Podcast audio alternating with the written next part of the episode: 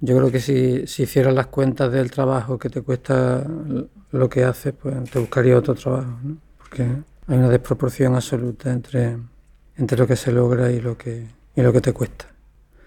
Y eso solamente se, se consigue pues, mediante la, la autoexplotación de, de, todos los trabajos así, digamos, vocacionales, ¿no? Bueno, que es muy característica de, de, la feminización del trabajo, ¿no? Como que es tu responsabilidad. Cuando ya llevas 16 horas trabajando, no dices, no voy a dejar a los niños sin comer porque yo ya he terminado de trabajar, ¿no? Sino que sigues trabajando. Y eso mismo pues, pasa en los trabajos tradicionalmente ejecutados por mujeres, ¿no? La maestra que ve que este niño va fatal, pero si con un poco de ayuda, entonces trabajan más de lo que te pagan. O las enfermeras o las cuidadoras, ¿no? Que te desbordas y tú te auto explotas, ¿no? interiorizas tú tu propio papel. De, pues porque de pronto te creas un, un, un, compromiso propio que no tienes con quién discutir, ¿no? Esa, el horario o, o los honorarios, ¿no? Estás siempre trabajando, no distingues la vida de, del trabajo. Yo creo que es, que, que es, también un truco, un truco igual que mantiene, ¿no? igual que trabajo femenino, así, ese no trabajo o ese trabajo no remunerado es el, el sustento principal de, del sistema.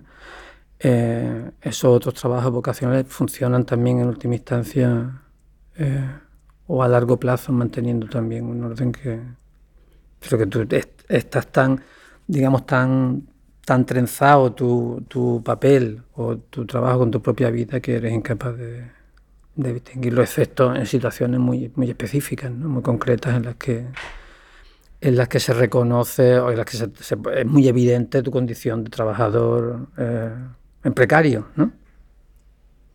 Que es un estatuto que, por cierto, se va extendiendo al resto del, del, mundo del trabajo, pero que tradicionalmente era ese, el del artista, ¿no? Tú trabajas, en realidad prácticamente no, no se considera tampoco un trabajo, tú haces eso porque te da la gana, ¿no? Porque quieres, ¿no? Y de ahí pues, el mito ese del, artista, de, del dentista pintor, que pinta los fines de semana, y, pero tiene su trabajo, lo que, es lo que es el trabajo y su modo de vida es otro, ¿no?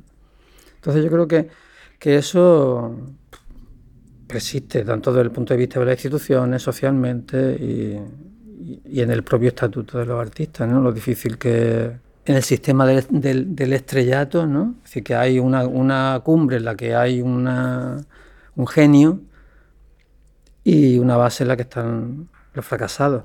En medio, todos los que. La, la, posibilidad de ganarte la vida más o menos dignamente con tu trabajo, eso no se contempla. Eso, ¿qué, qué, qué clase de artista es ese, no? Un estudio que tenía Guillermo de Torres sobre la, la, la literatura de vanguardia en, en, hispanoamericana o lengua española, hacía una reflexión que, que, en ese momento, yo estaba estudiando, sería a finales de los 70, me llamó la atención y, y continuamente me vuelve, ¿no? Que era, dice, ¿qué explica la persistencia, la pervivencia de un género como la poesía, ¿no? que no tiene utilidad ninguna más que la de servir de eh, refugio y de vehículo más o menos camuflado en momentos tristes o trágicos de la vida de los pueblos donde la represión política eh, cierra otros cauces más apropiados para la expresión de, lo, de la disidencia, etcétera, ¿no? Entonces, solamente en esos momentos pues los poetas escriben en la cárcel o la poesía eh, mediante metáforas expresa lo que no se puede decir explícitamente, etcétera.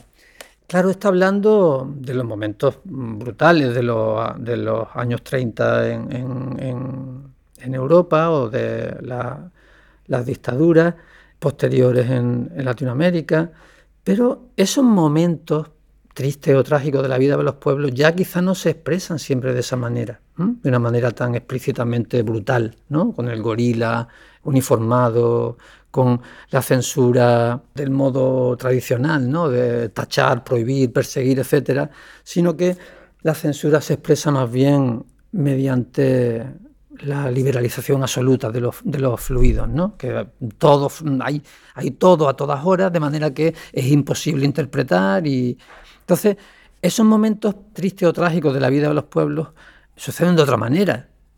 O sea, hay momentos, decir, Ahora no es momento de poesía, ahora usted puede expresarse eh, este, por los cauces políticos tradicional, tradicionales, ¿no? Y hasta hace muy poco parece que estábamos en un lugar en el que ya todo estaba, todo era, todo lo que era posible ya estaba funcionando, ¿no? Y tú no tenías más que elegir entre, eh, entre Coca o Pepsi, ¿no? Entre, los dos grandes partidos políticos gestores de las órdenes de, de los mercados, ¿no? Quiero creer que no es en absoluto ajeno a esos cambios, ¿no? a, la aparición de otros modos de, expresión política, la influencia de determinados modos de hacer eh, arte eh, en época también reciente. ¿no? no podemos desvincular la aparición de eh, Podemos, por ejemplo, de, o del 15M previo, de los movimientos alta globalización o de procesos en los que ha aparecido ya de una manera muy clara, ¿no? después del 77, las maneras de, formalizar o de aparecer o de practicar, si quieres, entre comillas, de un modo artístico donde ya no es que existiera una sección artística dentro del, movimiento, ¿no? son los artistas mm, o los diseñadores del movimiento político que le dan forma y visibilidad al discurso, sino que los modos de hacer artísticos impregnaban por completo, eh, de una manera creativa, digamos, la performance eh, política. Entonces, a mí me parece que eso también es, una manera de, realizarse, esa permeabilidad, esa contaminación entre lo político y lo, y lo artístico, ¿no? Es que estamos en un momento en lo que ahora no hace falta poesía porque existe en ese medio. La poesía no tiene por qué ser política porque ya está la política, vote usted, ¿no? Y, y cállese mientras, ¿no?